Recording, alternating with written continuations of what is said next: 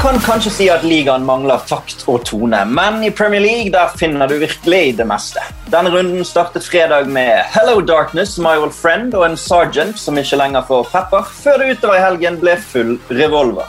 Homecoming for noen, seier on the road again for andre, og et Manchester United som virkelig fikk betalt for sin innstilling om holding out for a hero till the end of the night. Manchester City er human after all. Noen dommere fikk kanskje mer hjelp from their friends enn de burde. Og jaggu meg var det et land som var flying without wings over Heathrow nære Brentford Community Stadium. Og kjenner jeg det sjøl rett, kommer vi garantert også innom eh, noen av hendelsene som fant sted yesterday. Til å ta oss med på en musikalsk reise gjennom den 18., 20., 21., 22. eller 24. Premier League-runden, alt ettersom hvem vi spør, så har vi i dag eh, Erik Torstvedt. Velkommen! Tusen takk for en episk innledning. Jeg fikk litt sånn lyst til å synge og sånn i morgen. Da måtte vi prøve litt musikalsk. Og uh, podkastens eh, faste mann, Espen Ween, welcome. Thank you very much. Jeg må slenge meg på Eriks hyllest. Det er den beste innledningen jeg har hørt på den podkasten her noensinne. Ja, det er veldig bra. Vi må jo, vi må jo imponere litt når vi har gjester fra, fra utsiden. For vi har også med oss i dag um, en, ikke en gjenganger, men du har vært med et par ganger. Uh, Chelsea-supporter, komiker og uh, småbarnspappa midt i en liten sovepause for uh, yngstedatter der. Olav Svarstad Haugland, velkommen. Tusen takk. Det er deilig at dere kunne velge et tidspunkt der min datter sover. Hun har sovet en halvtime nå. Jeg håper at hun holder seg to timer til. Det er veldig bra. Hvis, hvis hun våkner, så må du eventuelt bare si fra og så gå på luften. Sånn, det må vi ha åpning for i disse hjemmekontortider. Ja, hun tåler å gråte litt. Det går fint, det. Ja, det, det, var, det var småbarnskomiker du var, var det det? Jeg fikk helt med meg inn. Så. Ja, nei. Eh, altså, barna mine ler ikke så mye av meg ennå. Jeg håper at de gjør det etter hvert. Eh, men eh, jeg, jeg, merker jo at tematikken blir mer og mer sånn eh, hva, er det, hva er greia med disse barna våre, egentlig? Det, det, er ikke bra, vet du. Det er ikke bra veien. Eller? ja, men det, det, speiler hverdagen, og det er sånn det skal være. Eh, et spørsmål før vi begynner med å gå rundt her. Jeg kan ta det til deg, Erik. kanskje, for det Min kone spurte meg her om, om dagen, for nå ser vi jo på håndball-EM. Eh, det er jo veldig spennende å følge med på norske kampene der og sånn. For det er jo så intenst håndball. Det skjer noe hele tiden. Og så spurte hun meg hvorfor, hvorfor ser man egentlig på fotball som det skjer så lite i, kontra i f.eks. håndball, der det skjer ting hele tiden. Hvorfor er det så mange som, som syns det er så gøy å se på fotball der det i hermetegn nesten ikke skjer noe? Har du noen forslag til det? Ja, jeg tror det er pga. at det er et mer komplekst spill. da. Det har jo blitt litt mer sånn i fotball òg, at de beste lagene er så gode at liksom sånn, enten så er du i angrep, eller så er du i forsvar. Altså Litt mer sånn håndballpreg. var mer tut og kjør fram og tilbake hele veien tidligere. Men, men, det er litt mer, det er flere spillere på banen, og det er overgangsfaser mellom angrep og forsvar som ikke eksisterer på samme måte i håndball. I tillegg så har du det elementet av flaks-uflaks som er større i fotball. Altså, ja, jeg mener jo at dommerne på slutten av en håndballkamp kan bestemme hvem som skal vinne, fordi det alltid vil være så mange tvilsituasjoner som de rett og slett bare kan si vi velger den eller den veien, og egentlig styre der de vil. I fotball så må de situasjonene oppstå for at du skal kunne ha en dommer som skal definitivt kunne velge hvilken side som skal vinne. Men Jeg sier ikke at, det, at, de velger håndball, men jeg sier at det potensialet finnes. da. Men i, men i fotball så er det et større element av flaks sjelden at et håndballag taper pga. uflaks. Eller, altså der, der det er veldig mye mer mål, da, så tar det jo vekk elementer av flaks. I fotball så kan en fotballkamp bli avgjort i løpet av to og et halvt sekund. I en kamp som varer 94 minutter. Og Det er et veldig liten del av hele kampen, da, men det elementet av randomness, for å bruke et godt norsk ord, tror jeg er med å gjøre det populært. da. For sånn er jo òg livet, da. Jeg tenker jo at Det er flaks og uflaks, og vi må tåle noen smeller når vi har vært dritgode, men likevel så faller liksom ikke ting på plass, og så får vi sparken likevel. Uh, og det, Sånn er det litt i fotball, tenker jeg, da. Det var en veldig ramble on-forklaring. Ja, men det, vi lever med den. Og vi, vi ønsker håndball... Ja. vi ønsker håndballguttene lykke til med sin innspurt i EM, og så vender vi blikket mot Premier League. og fredagen. Vi tar det kronologisk. Og det som var uh, Friday Night Football, det liker vi. Espen, du kommenterte vel denne kampen, Watford mot Norwich. Før kampen så skrev jeg uh, taperen ned? spørsmålstegn. Uh, fremdeles kan jo begge lag rykke ned, men hva tenker du som kommenterte kampen? etter lyset gikk for Watford, da gikk lyset fullstendig? Ja, det, det, gjorde det. Det ble jo en eh, lang eh, kveld eh, på jobben, det der, med kvarters overtid. Men alt det var glemt i det øyeblikket Josh Sargent satte inn det 1-0-målet. Det var det er sånn som Ja, man må bare se det, men en hælflikk som Jeg, jeg føler sjøl at jeg, jeg, ga den ikke det episke kommenteringen jeg burde, for jeg ble så perpleks sjøl. At Josh Sargent skulle plukke den opp av hatten, det hadde jeg ikke sett komme. men men Watford var, eh, for å starte med dem, var, eh, var sørgelig eh, dårlig. Emanuel Dennis, som har vært så god, han var bare grinete og ble utvist på den, en av de dummeste måtene du kan bli utvist på. Samtidig så, så tar Norwich en kjempeviktig poeng, uten at jeg er så trygg på at de skal klare seg av den grunn, for det var en fryktelig svak Watford-utgave. Men veldig gøy med George Sargent og Adam Ida, syns jeg, på, på Norwich, som begge har fått eh, masse tillit til å spille bra nå under Dean. Se Olav nikker litt. Vi sitter jo i hvert vårt rom og ser hverandre på, på, eh, på Zoom. Men uh, Olav, når du nevnte Josh, eller når du nevnte Dennis der, ja. så, da kom det en reaksjon. Ja, altså jeg, jeg, var jo alene hjemme her på fredag med ungene. Hadde lagt dem. Gledet meg veldig til å se da denne kampen. Og hadde da triple cappa Dennis for anledningen på Fantasy bare for å, for å kunne juble litt ekstra. Og uh, Jeg endte opp allerede i første omgang, da han fikk det gule kortet og filma nesten til seg et rødt kort. rett etterpå der, Så kasta jeg barnegrøten, det som var resten av barnegrøten, på TV-en. Uh, eller ved siden av, da. så jeg måtte tørke litt opp der. Men det var Jeg ble forbanna jeg ble virkelig sint på Watford. Jeg hadde forventa mye mer av dem. Og jeg synes egentlig i første omgang så spilte de relativt bra også. Jeg trodde dette her kommer til å gå veien. Og så gikk jo lyset, da. Og da håpte jeg at det var en eller annen på benken til Watford som bare skjønner at dette her funker ikke, nå går jeg og skrur av sikringen. Det gjorde en kompis av meg da vi spilte mot Reddy i eh, 2001 hadde fått to røde kort etter ti minutter, lå under 1-0, så gikk han og eh, bare tok sikringen på banen. Og da fikk vi ikke spille videre. Uh, og så ble kampen utsatt. Så jeg, jeg håpte litt på at Ken, Ken Sema eller noe sånt. Tufan er typisk type som kunne gjort noe sånt. Noe. Men uh, lyset kommer på, da, dessverre. Det var jo, for, for, en del sesonger siden så var det jo et, faktisk noe greier i Premier League. At de blåste sikringene på et par noen Premier League-matcher. og Det var visstnok uh, sånn bettinggreier for Østen. For det var sånn at sånn som resultatet var når kampen ble avbrutt, det ble stående da. Hvis de greide å ta sikringen akkurat når de hadde det resultatet som, som de skulle ha, eh, så, så det, da tror jeg har ført at på en måte sikringsboksen på Premier League-stadioner er godt bevokta. For uh, det var faktisk et par tilfeller, ikke bare uh, tilbake i 2001 når du, Var det bandy eller var det fotball vi snakket om her? Nei, det, det var fotball. Det var det. ja. det var, men, uh... men uansett så, så, er jo det ja, nå, nå, er det jo så mye rart. Nå er det jo anklager om at folk pådrar seg gult kort med vilje. Vi har droner, vi har sikringer som går. ja, det, det, er mye rart som skjer, så en må være obs på det aller, aller meste her. Også. Ja, den runden som var nå, skjedde jo ekstra mye rart. Vi skal komme tilbake til de dronene etterpå. Men uh, Watford 0-3 der. Nå er de nest sist. Kun Burnley bak seg, som har et par kamper færre spilt. Uh, Ranieri sitter jo fremdeles. da. Vi har ikke fått noen nyheter i hvert fall før vi spiller inn podkast nå mandag formiddag. Uh, hva tror du der, Espen? Sånn, du, du, var jo ikke til stede på stadionet, men du får jo en litt lyd inn. og litt sånn, hvordan, hvordan, hvordan tror du Watford, både fans og styret, ser på på Ranieris rolle i klubben? Ja, det ble litt sånn kontrastenes aften i og med at Graham Taylor, som gikk bort for fem år siden, ble hylla veldig før uh, tid. Tidenes Watford-manager ble hylla før uh, avspark. Og så er det jo en av uh, 14 managere under Potso-familien nå.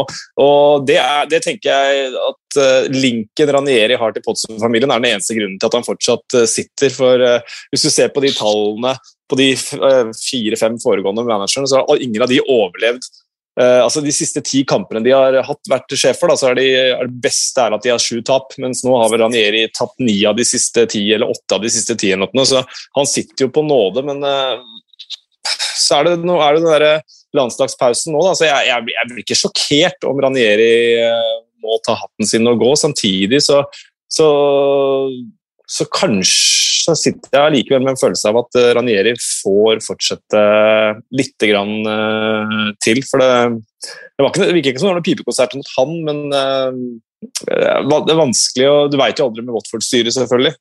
Men jeg, jeg, tror han sitter Han sitter jo ikke trygt, men, og han har fått den vote of confidence.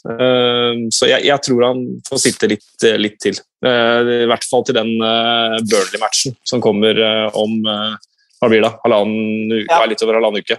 Ja, det er jo den uh, eneste PL-kampen som går den helgen. Uh, I første helgen i februar. Som egentlig er frihelg, men Burnley må jo få inn uh, kampene sine, så de skal møte Watford den helgen.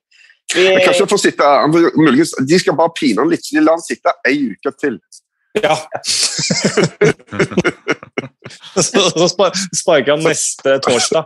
ja. Det kan, kan godt hende.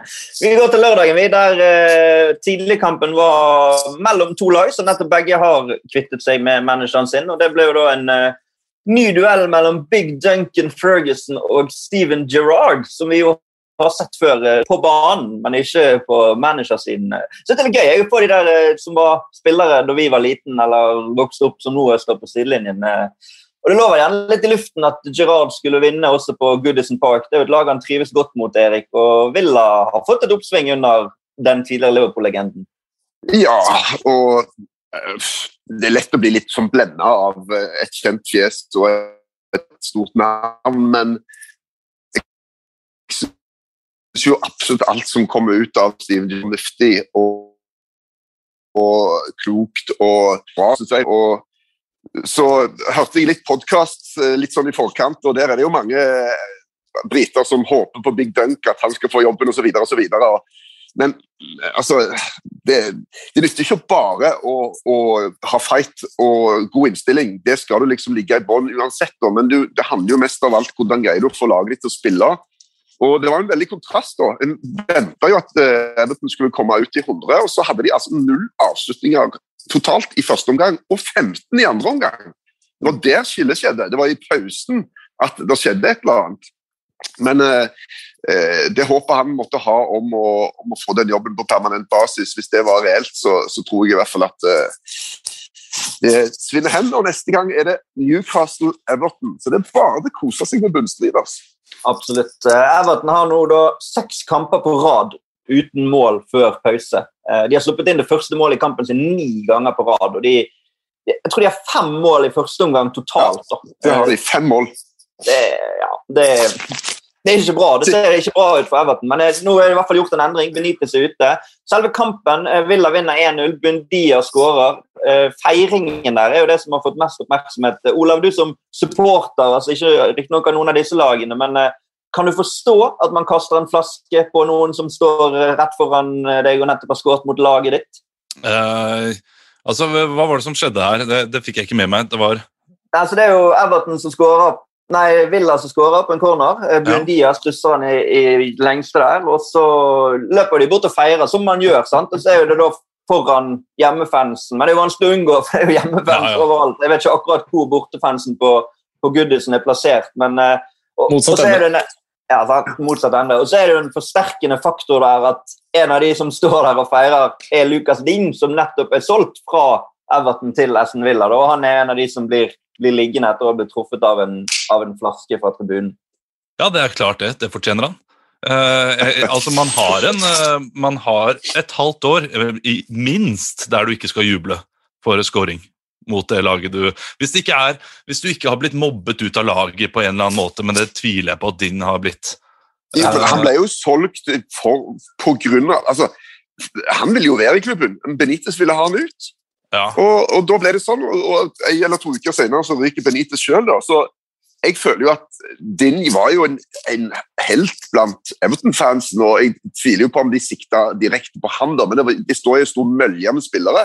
Men den flasken blir altså kasta fra høyt opp på, på tribunen, og den er full. Og det er farlig, altså. Ja, det, er, ja, det er ikke klokt, men uh, det er ikke klokt å juble heller, da. Han kan jo lære av det. Uh, men så, som en Chelsea-supporter så må jeg jo si at det er jo, det er jo fint å se at uh, noen smiler når de skårer. Det var fint å se Siech smile så vidt da han skårte nå mot Tottenham.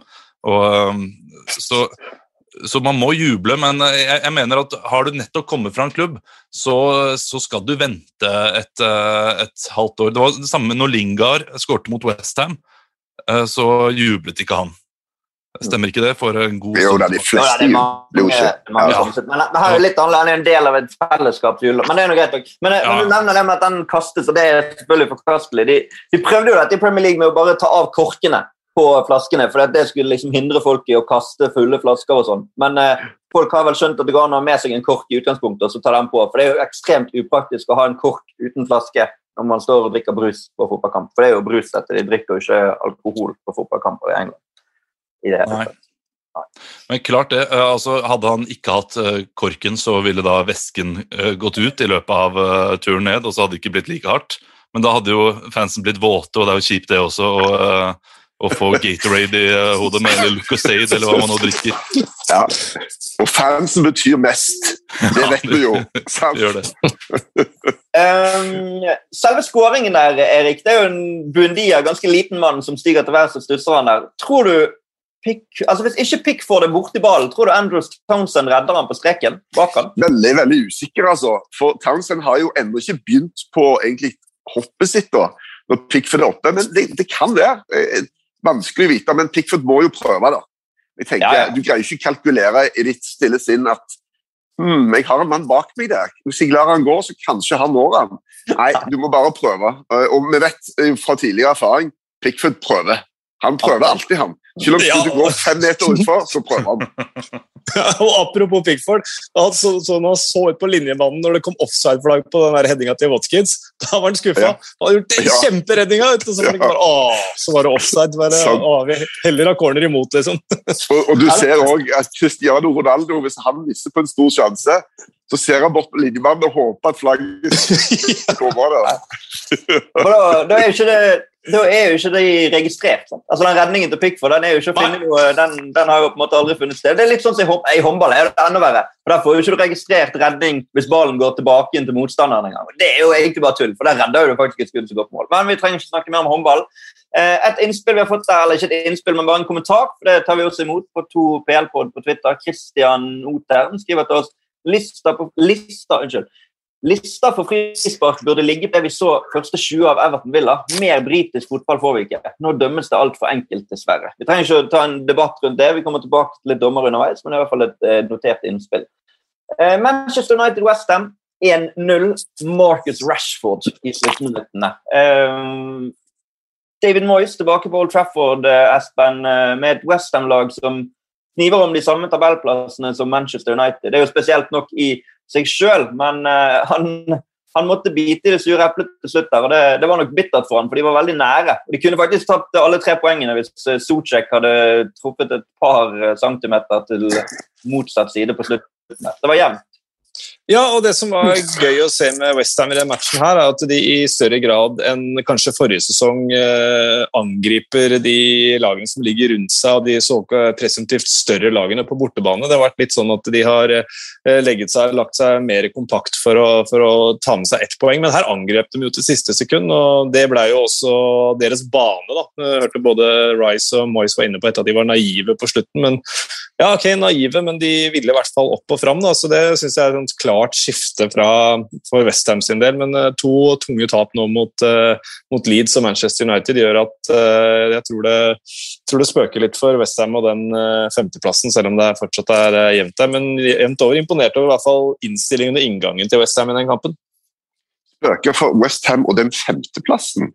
Fjerdeplassen, fjerdeplassen. Og femteplassen! Og femteplassen! For den femte, femteplassen er gjev! Den er meget gjev. Ja, den, den er gjev.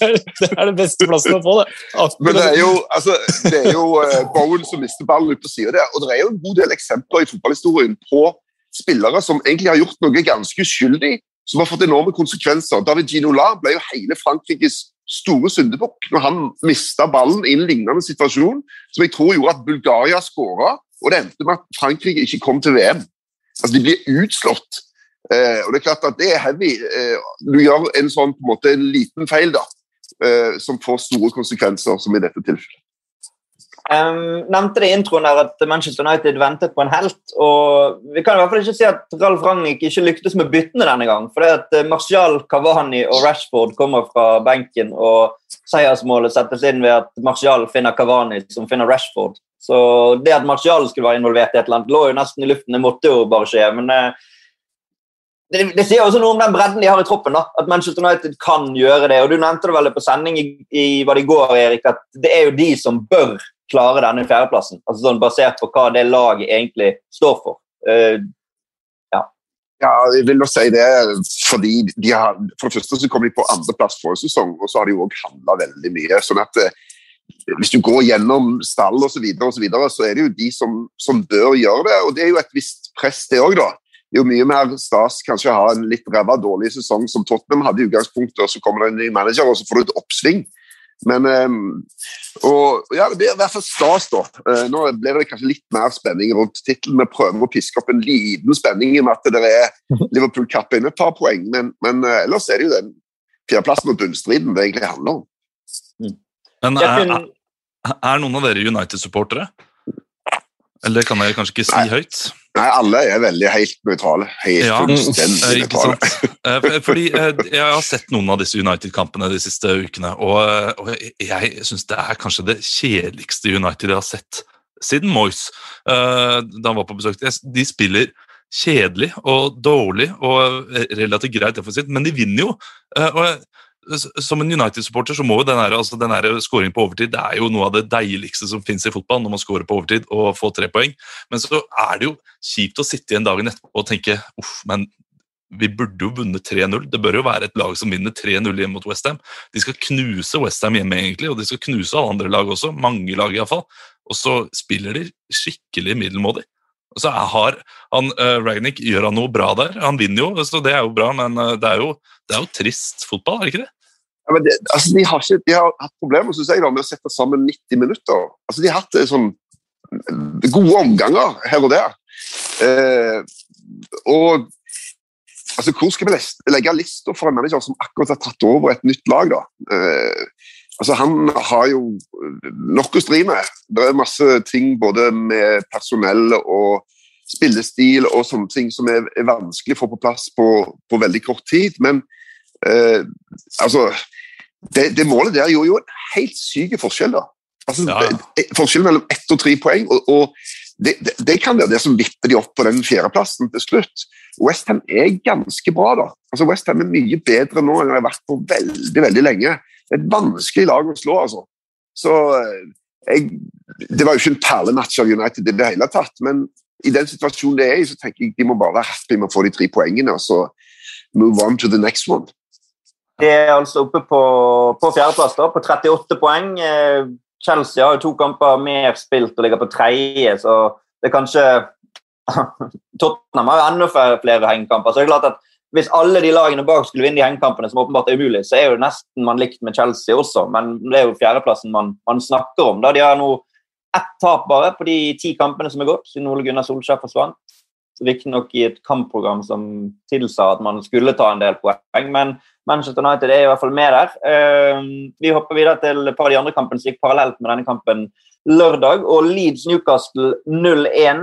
Eh, John Joe Shelby på et frispark i keeperhjørnet lavt. Det er ikke så ofte vi ser lenger, Erik, at de frisparkene der går, går inn.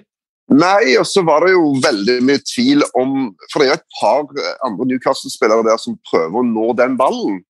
Og jeg tenker at, men, men jeg fikk alle noen gode bilder på det, men det må jo ha vært noen Leeds-spillere bak de igjen. for Ellers mener jeg, da er det jo offside. De prøver definitivt å spille ballen. og De gjør jo noe med Melier sin innsats på det målet, som er jo relativt tynn, den innsatsen. Altså, Du tenker jo dette er et skudd han skal ta.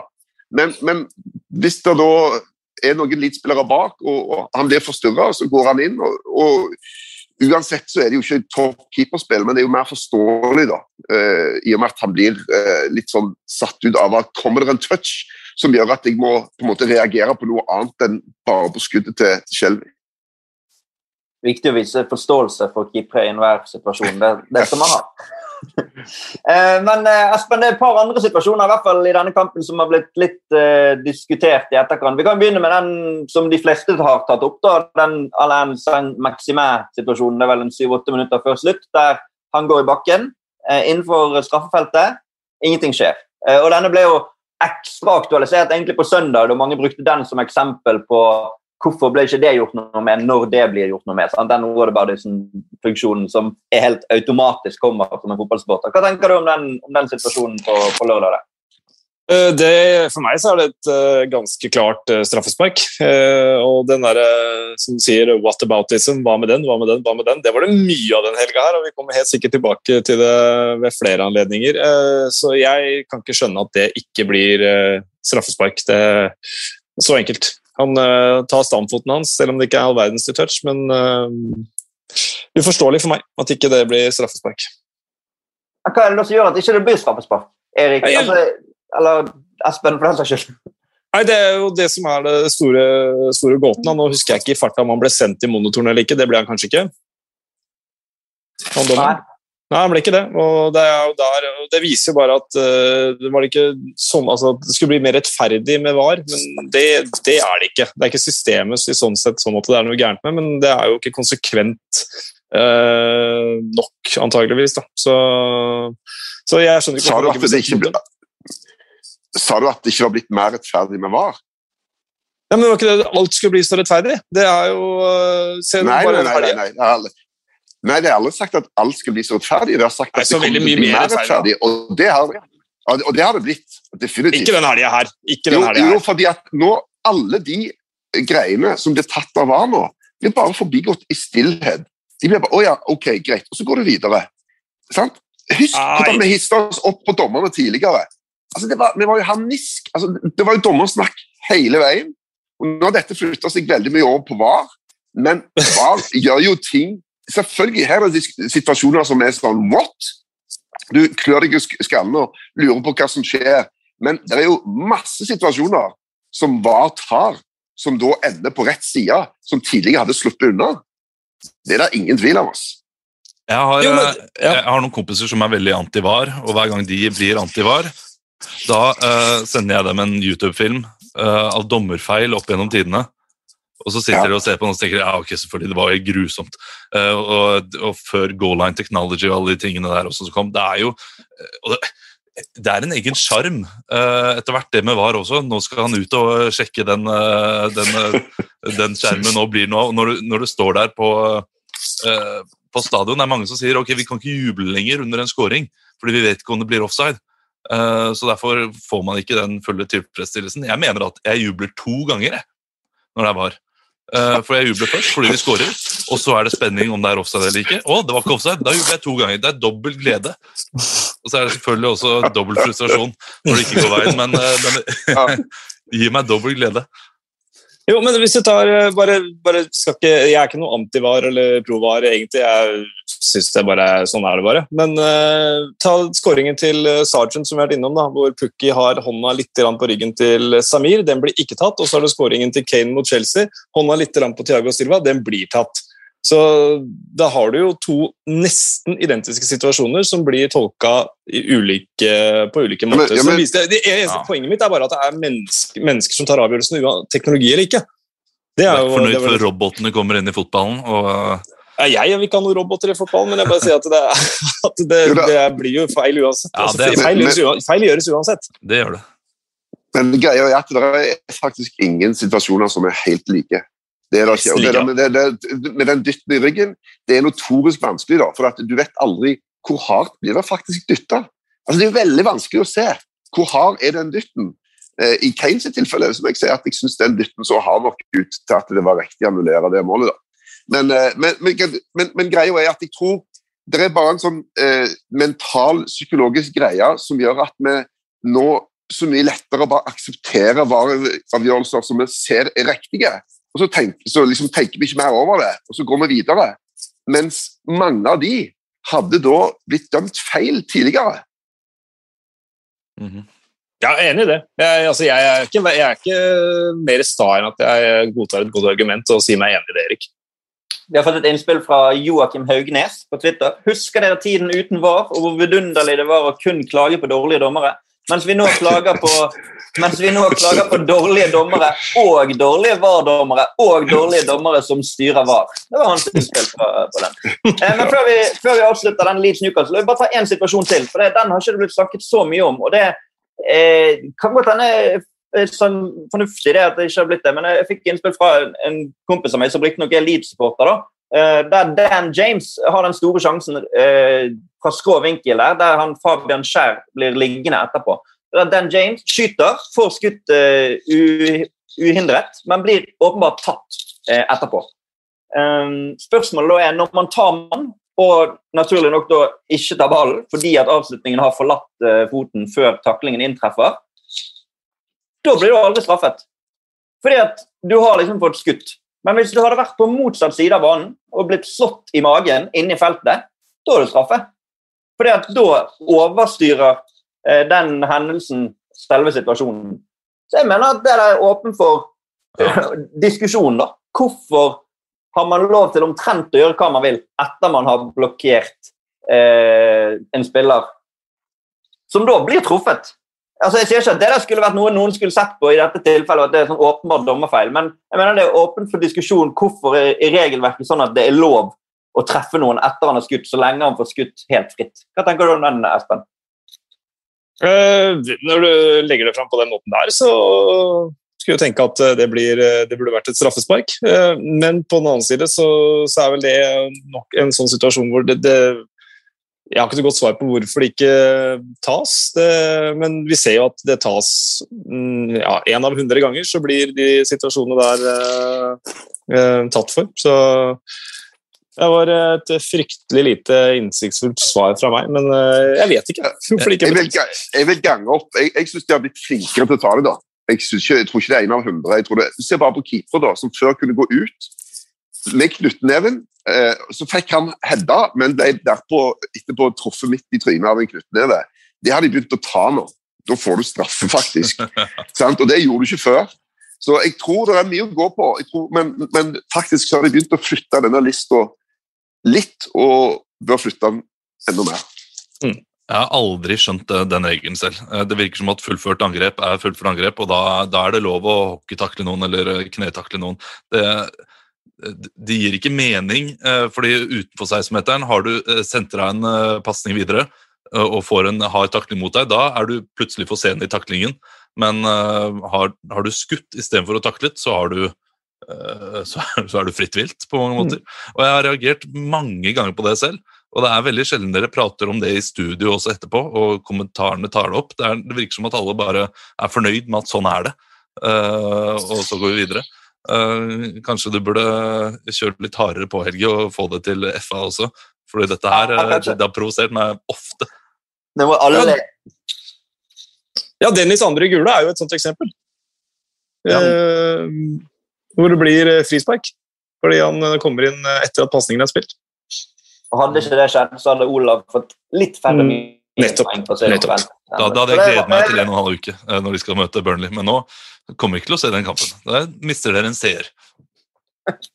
vi, eh, vi, hopper til Brentford, Wolverhampton og eh, nevnte så vidt tilhørigheten til eh, Eller ikke tilhørigheten, men nærheten til Heathrow. Jeg vet ikke hvor den dronen kom fra, men når vi trodde vi hadde sett det meste og lyset gikk i Watford der på fredagskvelden, så varte Brentford opp med en drone som gjør at kampen må stanses. Eh, det har ikke jeg sett før i Premier League. Erik, du har vært der borte og spilt. Eh, var det mye droner på din tid i England? Nei, det var tynt, altså. Men uh, det var jo noen uh, som drev uh, med noe dronestyr på, på flyplasser altså, i England. og, og de, altså, Du greide jo å stoppe hele flytrafikken på Heathrow ved hjelp av én drone. Mm. Altså, så, men, men altså, nå kommer det altså mulige trusler fra overalt. Og, men er det litt rart at de skal si at én drone er en sikkerhetstrussel? Vi må stanse kampen? Altså, Hva tror du de har? Kjemiske våpen? Eller er det ulovlig filming? Ja. Eh, brudd på rettigheter, TV-rettigheter? Altså, Hva er det for noe? Altså, Spill, da. Drit i det. Er de redd at han skal krasje hodet på keeperen, eller? I don't know. Det kan ha vært Bjelsa som har sendt ut uh, spiondrone som han istedenfor å ha folk som er på treningsfeltet. De skal jo møte disse lagene senere. Ja, det kan hende. det var i hvert fall veldig rart. Vi fikk, uh, var det 19 minutter som ble lagt til der i, i første omgang. Det er sjelden man ser den uh, 19-tallet på, på fjerdedommer sin sånn alene, i hvert fall. Av og til når du skal bytte. Men, ja, har de tatt sjåføren eller dronepiloten? Jeg har ikke hørt det. Nei, det, fordi det er jo det er jo verdt det i seg selv uh, for å bare ha en historie resten av livet. Jeg, jeg stanset en Premier League-kamp i 20 minutter fordi jeg, jeg prøvde dronen min. Det er, jo, det er jo noe å ta med seg uh, i graven. Uh, I selve kampen så vinner jo Wolverhampton 2-1. Uh, Joao Martinho setter inn 1-0 etter eh, en fin avslutning med utsiden av foten. Det var så åpenbart at han skulle skyte med utsiden. Altså, han skulle egentlig skyte med utsiden før han spilte den veggpasningen. Fikk han igjen og bestemte seg nei, jeg skyter med utsiden fremdeles. Men er fint mål. Uh, Ivan Tony utlignet til 1-1. og der må jeg si at når jeg så det målet, så tenkte jeg første jeg tenkte var sånn Så alene skal du ikke stå på en dødball i Premier League. Og så slo det meg de har jo dødballeksperten. Brentford har jo Bernardo Cueva, mannen som har vært inne og hjulpet det norske landslaget. Og trikset for å stå alene Du bare stå alene. Gå helt bakerst. Ingen dekker deg, og så bare blir du helt uh, alene. Det var helt genialt, og det funket denne gangen. Men um, da trodde kanskje mange at Hey Jude skulle ringe utover stadion her, og at Brentford Community Stadium skulle få noe å juble for igjen. Men Espen Ruben Neves han vil også vise seg fra distanse, og Wolverhampton vinner igjen. De imponerer. Ja, fire seire på fire matcher i 2022 nå. Skårer plutselig mål eh, både innafor og utafor eh, 16. Jeg syns kanskje ikke Jonas Løssel eh, gjorde en kjempematch, eh, men eh, det, det til side så er Wolverhampton et av de lagene som har imponert aller mest eh, nå, syns jeg. I hvert fall etter de første tre matchene. Da var de egentlig gode da òg, men eh, eh, mektig eh, De som sniker seg opp eh, og ligger på åttendeplass nå. Er jo innenfor rekkevidde av denne, meget gjeve femteplassen. Den er, ikke, den er ikke langt unna nå for, eh, for Wolverhampton. Eh, så, og de har også hatt masse covid og skader og sånn, så eh, Nei, eh, og de har kanskje Premier Leagues ja, i hvert fall topp, en av topp tre beste keepere denne sesongen. José Sa syns jeg har vært eh, en åpenbaring i målet deres. Mm. En, eh, det var en situasjon der han plutselig går til å spille sånn rugby i stedet. Så Han bare tok med seg ball og løp. Det kommer på VAR-rommet denne uken. De skulle ta tak i den. vet jeg. Men eh, Erik, du er jo opptatt av XG. Jeg vet at du selvfølgelig er med en del der. Jeg vet ikke om du så statistikken for denne kampen, her, men jeg tror det var første gang et lag hadde hatt under 0,4 XG og skåret to mål i en kamp denne sesongen. Altså Wolverhampton. Så det, De Ja da, kan vinne fra Ja da, og de, de må jo Når de produserer såpass lite som de gjør, de er jo utrolig gjerrige både framover og bakover. Da må du jo av og til overprestere litt for å hente tre poeng, i hvert fall. Eh, og det vil jo alltid Det skal jo svinge litt, da. Eh, noen ganger produserer du mye og får ingen mål, og noen ganger produserer lite og skårer to. og Det er jo noe av det vi var innom helt i begynnelsen. Det er noe av skjermen. da. At du vet aldri helt hvordan dette kommer til å slå ut.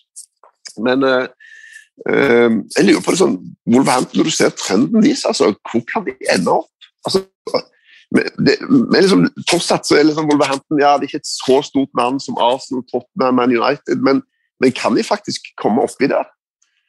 Det, det er ikke umulig. altså. De er veldig gode. Så bare på Old Trafford hvor bra de var mot Man United. altså. Ja, De tapte vel fire av de fem første kampene denne sesongen. sant? Og Siden det har de jo vært uh, he, altså, Det er vel kanskje bare Nei, jeg vet ikke, jeg har ikke sett tabellen på det. men sånn, det er ikke, De har ikke veldig mange flere poeng, disse andre lagene som kjemper om den plassen. I hvert fall ikke de som kjemper om den gjeve femte- og fjerdeplassen. Etter tre kamper så var det jo, hadde jo Tottenham ni poeng, og, og de hadde vel null. Null. Mm. Yes. Uh, Brentford, da. Uh, det største snakkisen rundt Brentford akkurat nå er jo kanskje at Christian Eriksen ser ut til å signere for dem. Det ville gitt gode odds sommeren 2019 på at den neste engelske klubben til Brentford skulle bli uh, Nei, neste engelske klubben til Christian Eriksen skulle bli Brentford. Hva tenker du om det, Espen? Hvis, eller som det nå ser ut til, da, at Christian Eriksen dukker opp i, i Premier League igjen i Brentford? Eh, Med den, eh, med den danske kvota som er der, så er det jo eh, helt eh, naturlig at det er der han eh, ender opp. og Det ville være et enormt løft for eh, Brentford. De har tapt seks av de siste sju nå, så det, det brenner litt. grann. Nå er det Hvor mange poeng er det ned? Ja, Det er jo fortsatt et, eh, et stykke åtte, vel. Eh, Men at, at Eriksen eh, ja, Som du sier, for to år siden helt utenkelig, men nå syns jeg det gir veldig mening at uh, han ender, eh, ender akkurat uh, der. Det, det rimer. Passer i puslespillet. Men trener Thomas skrev ny kontrakt nå, så i dag. Fram til 2026 eller et eller annet sånt. Så han har i hvert fall tillit til, selv om han har tapt mye i det siste. Og så er jeg litt sånn forundret over at ingen andre litt kanskje større tungvektere har meldt seg på. da. Og det har de kanskje gjort, vi vet bare ikke om det. Men eh, jeg tenker at Christian Eriksen eh, kanskje kunne spilt for et eh, enda bedre lag enn en Brentford. Spiller han mye nå? Nei, han har jo ikke spilt siden det hjertestansen. Det er jo nå han på en måte han må gjennom noen tester og sånn for å få lov. Da. Men han kunne jo ikke spille i Serie A, for der er regelverket at du kan ikke spille med sånn innebygget pacemaker, men i England der har du lov til det. Så da har det på en måte vært ryktet hele veien. Det var jo snakk om, Tottenham var jo nevnt, sant? at det kunne bli en retur der. Mm. Newcastle har det vært snakk om som en potensiell eh, klubb. Eh, Leicester har vært rykter om. De har jo også en par danske spillere i troppen sin. så så det, altså det er jo det du sier, Erik. Er du, er du overrasket over at det blir Brentford? For det er jo en spiller som unektelig har noen kvaliteter som hører hjemme høyt oppe på en Premier League-tabell. Ja, jeg er i hvert fall litt uh, fair enough. Men det, jeg, jeg, tenker òg at en skal være bitte litt forsiktige. Altså Brentford må òg tenke seg om i forhold til Får du Christian Eriksen, så tar du han, men du, må, du kan ikke stille med sånn åtte-ni dansker. Altså. Det, på et eller annet tidspunkt så så blir det for mye. Så jeg, jeg, jeg tror at det Husker Det var masse franskmenn oppe i Newcastle på et tidspunkt, og sånne ting. og når, når, ting går bra, da, så er det alt er helt supert. Men når ting går dårlig, så blir det plutselig Bloody Norwegian, som det faktisk også ble i Liverpool på et eller annet tidspunkt. Når ting går dårlig, så vender det seg mot uh, fremmedelementene. Uh, og nordmenn havner i den kategorien. og Nå er jo Brentford bare en eneste stor solskinnshistorie foreløpig, men en, en, må på en måte ha en, en, en litt sånn britisk greie òg, da. Selv om jeg vet at det er mange av de andre lagene som ikke har mange, mange briter. Så, så, det er litt spesielt at de har så sabla mange fra ett land. Mm. Største, største problemet er jo hvilket etternavn man skal bruke på de danskene. Ja, ja, ja. Mats Beck Sørensen og Mats Rørslev Rasmussen. altså nå er det vel Mats Beck og Mats Rørslev, men uh, var det ikke du Erik, som bare hadde bytte på laget, og så var det hvis ja, ja. det var feil etternavn? Ja, de må, jeg ja. Danskene må bestemme seg for hvilket etternavn de skal bruke. Det er det største problemet med danskene i Brentford. Det viktigste er at de forstår hinanden. Vi hopper til Southampton mot Manchester City, som var kveldskampen. Og Southampton de hindret City igjen, de. Eh, jeg vet ikke om du så den, Olav. Du hadde jo før sesongstart i fjor en litt sånn guide på hvordan man får sett Premier League-kamper midt i leggetid og sånn, men eh, ja. var jo Ja, fikk du sett denne? Ja, jeg fikk sett den i opptak. Det gjorde ja. jeg eh, etter leggetid, og det, det var jo åh, det, det var nydelig. Uh, selvfølgelig bittert at uh, Southampton ikke tok uh, alle tre poengene, men det, det, er, det, er, så deilig å se et topplag som bommer på sjanse etter sjanse etter sjanse, når du ikke heier på dem selv. Mm. selvfølgelig. Og det er Det beste med dette var at jeg hadde en kompis som hadde en odds inne der han hadde truffet alle Premier League-kampene, og hadde bare den her, hadde City-seier til slutt. Hadde vunnet 15 000 hvis City vant. og jeg må ærlig innrømme at det, det unner jeg ham ikke. Uh, så jeg syns det var helt greit at det ble 1-1. det, var, det, uh, det var et fantastisk resultat for, for håpet også, da. Fordi jeg, jeg, liker jo spenning. Og det gjør jeg selv når jeg ser at Chelsea leder med ti poeng på uh, tabellen, så er det noe i meg som ønsker at det, jeg, jeg vil ikke at verken Chelsea eller noe lag skal vinne fem kamper før serien er ferdig. Fordi spenning er det som gjør denne idretten gøy. Eh, så, eh, så, jeg håper at eh, City går på noen skikkelige nedturer nå, sånn at det kan bli litt spenning i toppen. Det var jo det som du sa, Erik, at nå, nå åpner man jo opp igjen for at nå kan Liverpool ta det igjen. Sant? For nå er det én hengekamp, og så er det et internoppgjør, og da er det ikke så mange poeng. Mens for en uke siden så var nei, dette er sjanseløst, nå drar de fra. Så det, det, er utrolig hvor lite som skal til. Men uh, si litt om det første målet, der, kanskje. Kyle Walker Peters og egentlig hele Southampton-laget. For Det er jo et av de fineste sånn lagmålene vi har sett på ganske lenge. ikke det? Jo, det, det, er sjelden du greier å se at et lag greier, i hvert fall et lag eh, såpass langt nede som Southampton greier å sette sammen en sånn type angrep mot, mot Manchester City. Det, det angrepet har liksom ulike faser, da, både i tempo og vending av spill og eh, Ja, så ender de opp med Kyle Walker Peter som, som ikke bare er aggressive og offensive og stormer på, men han, han kroner det med en nydelig treff da, på avslutningen. Så Det var bare så sabla mange ting i den godteposen. Så nei, når de først skal slippe inn sitt tredje mål i første omgang hele denne sesongen, det var faktisk det for City, så var det i hvert fall et fint et. Absolutt. Uh, tror du Espen, at det er noen andre lag som kommer til å gå ubeseiret gjennom denne sesongen mot City? For Det har jo Southampton nå klart. De uh, har hindret City å slå dem i begge kampene. De, andre lagene, de, andre lagene, City har avgitt poeng mot allerede, er jo Tottenham, som de tapte mot i første seriekamp. og Så er det Liverpool, som de spilte uavgjort mot på Anfield. Og så er det Crystal Palace, som slo de på det var på Etiad, faktisk. Ja, da tror jeg svaret er ja. Tror ikke de slår alle Ja, på, spørsmål, på det spørsmålet. At, de, at et, de, et, eller flere av de lagene klarer å unngå tap mot, uh, mot uh, Manchester City. Så ja. Vi får se. Eh, det kan jo bli Liverpool, som eh, vi hopper til som første søndagslag ut her. 3-1-seier eh, bort mot Crystal Palace betyr at de er laget som fremdeles er nærmest Manchester City, og betyr at de er foran Chelsea på tabellen, Olav. Ser du ja. Liverpool-kamper, ser du alltid Liverpool-kamper og er sånn, nå heier vi voldsomt på motstanderen hver gang? Nei, altså med, etter, etter, noen år nå der det ikke har vært så bitre kamper mot Liverpool Det var jo sånn rundt 2009 så var jo det det største hatlaget jeg hadde, var Liverpool. Uh, og så har det dabbet litt av, så nå kan jeg nyte fotballen også. Men selvfølgelig, når det er så arge konkurrenter som de er, så sitter jeg der og håper på, på Palace. Og jeg, jeg må jo si at Liverpool var jo, var jo litt heldige også. Det er, det, er, noen heftige sjanser Palace har der, og det var en god keeper i mål for Liverpool. Og, det, men det, det er jeg syns det ofte er sånn med Liverpool. De er, de er, ikke helt sikre bak. De, de, slipper til veldig mange muligheter, og, og, veldig mange billige muligheter også, men så klarer de på en eller annen merkelig måte å ikke slippe inn målene. og så har de jo helt fantastisk offensivt lag. da. Selv med Salah og Mané ute, så er de jo kjempegode.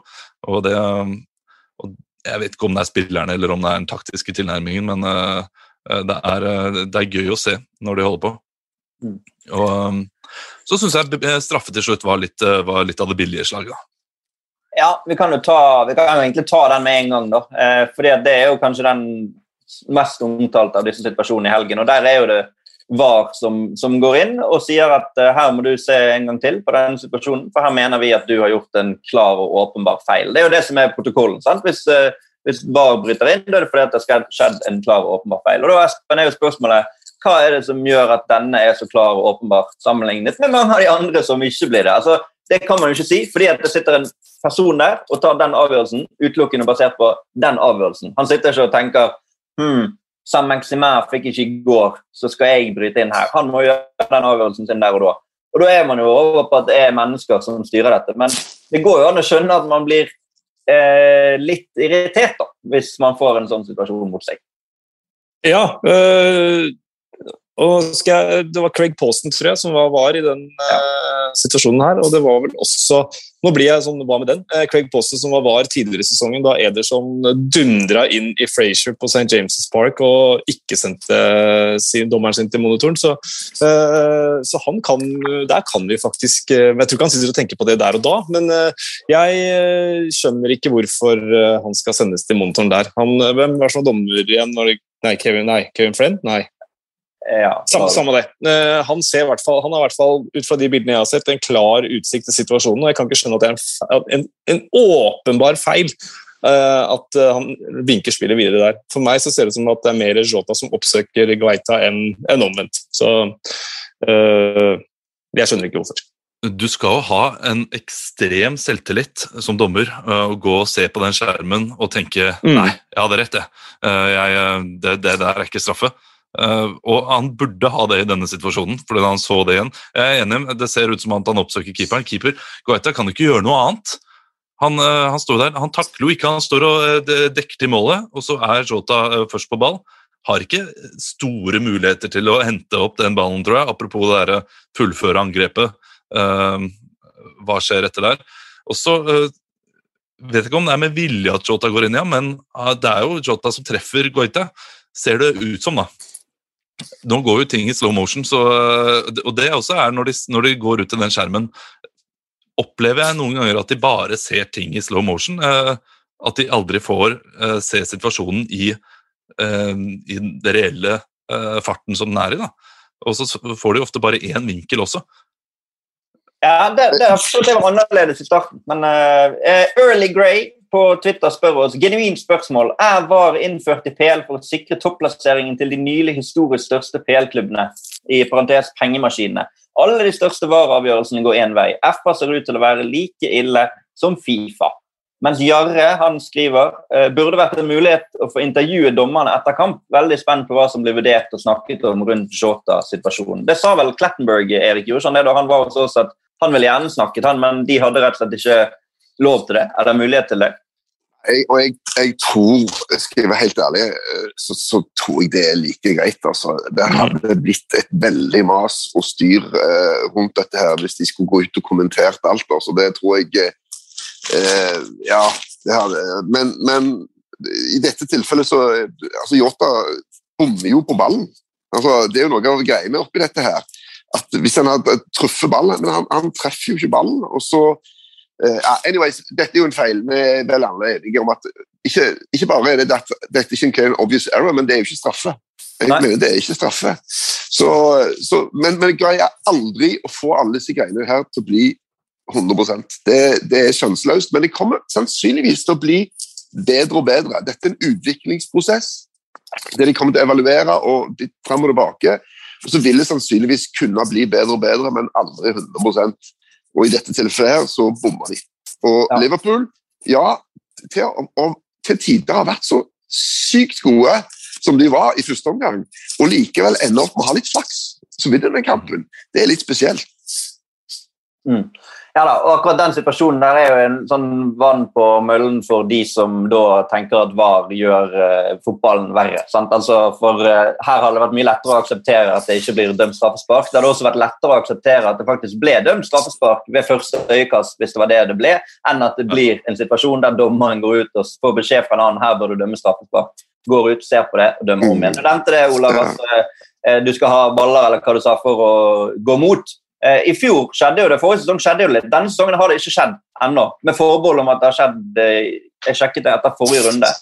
Alle gangene dommeren har blitt sendt til monitor, så har han gjort om avgjørelsen sin. Men forrige sesong så skjedde det et, eh, et par ganger. Men eh, bare ta et par av målene, da. Både 2-0-målet og altså 2-0-målet til Oxide Chamberlain og 2-1-målet, 1-2-målet, reduseringen. Er jo det noen som spør i sosiale medier hvorfor ikke offside? Eh, Espen. Eh, litt to sånn, egentlig litt like like situasjoner. altså Det er en, en offside-plassert spiller som blir spilt på, men som ikke er borti ballen, ikke involverer seg nok til at han blir dømt på. Eh, det må jo være det som er, er fasit i begge tilfeller. Så kan man være enig eller uenig i det. da, for Det er jo ingen tvil om at Firminos tilstedeværelse i den duellen gjør noe med forsvarsspillerne. Det er ingen tvil om at eh, Hvem er det som er der? Jo, det er vel Eduard sjøl som skårer. Eh, det at han er akkurat der, gjør jo at van Dijk må gjøre noe. Så er offside-regelen eh, riktig? Er også en regel burde ha vært endret på? Har han vært endret på? Nå er det et stort spørsmål til deg, Espen. Ja, det var, uh, Tusen takk for verdens enkleste oppspill og spørsmål, Helge. Jeg, jeg, må gå om ti minutter, for jeg skal på sånn dommerkurs. Ja. Uh, så, så, da skal jeg lære meg alle strekene. Nei, nei, nei. nei, nei. jo, nei, nei, nei, men det er der du tar feil. Du skal ikke på dommerkurs. For på dommerkurs der vil du få vite at dette er riktig. Ut ifra okay. regelverket er dette riktig. Men burde det vært sånn? Burde det vært sånn at disse to situasjonene er offside, eller er du tilfreds med at det ikke er det, sånn som regelverket er nå? Det er det jeg spør deg om.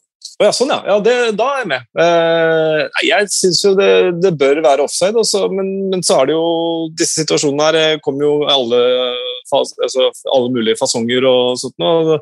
Men forsvarsspillere må jo ta et valg eh, fra, ut fra de spillerne de, de står overfor. Eh, og de ville jo ikke tatt den avgjørelsen hvis ikke spillerne hadde vært i offside. og sånn, så, Men Nei, da tror jeg vi Nei, hold opp. Du trenger ikke, ja. trenger ikke mer på deg enn det. Jeg avbryter deg der. Du svarte det jeg ville. Super. Veldig bra. Eh, Patrick Vieira Patrick Vieira han svarer eh, du må alltid se på hvordan dommerne presterer. Jeg har alltid vært ærlig, og i dag hadde ikke dommerne noen god kamp i det hele tatt. Slik som dette skjer for ofte, spesielt når vi stiller spiller mot store lag. Det får han sikkert straffer, vil jeg tro, når man uh, sier det man mener. Eh, men et spørsmål fra Jostein Basma. Eh, vi kan ta deg på det, Erik. Eh, Vieira overtar Pelles, bruker nesten en milliard kroner netto på nye spillere, og dere hyller han uke etter uke. Hvorfor?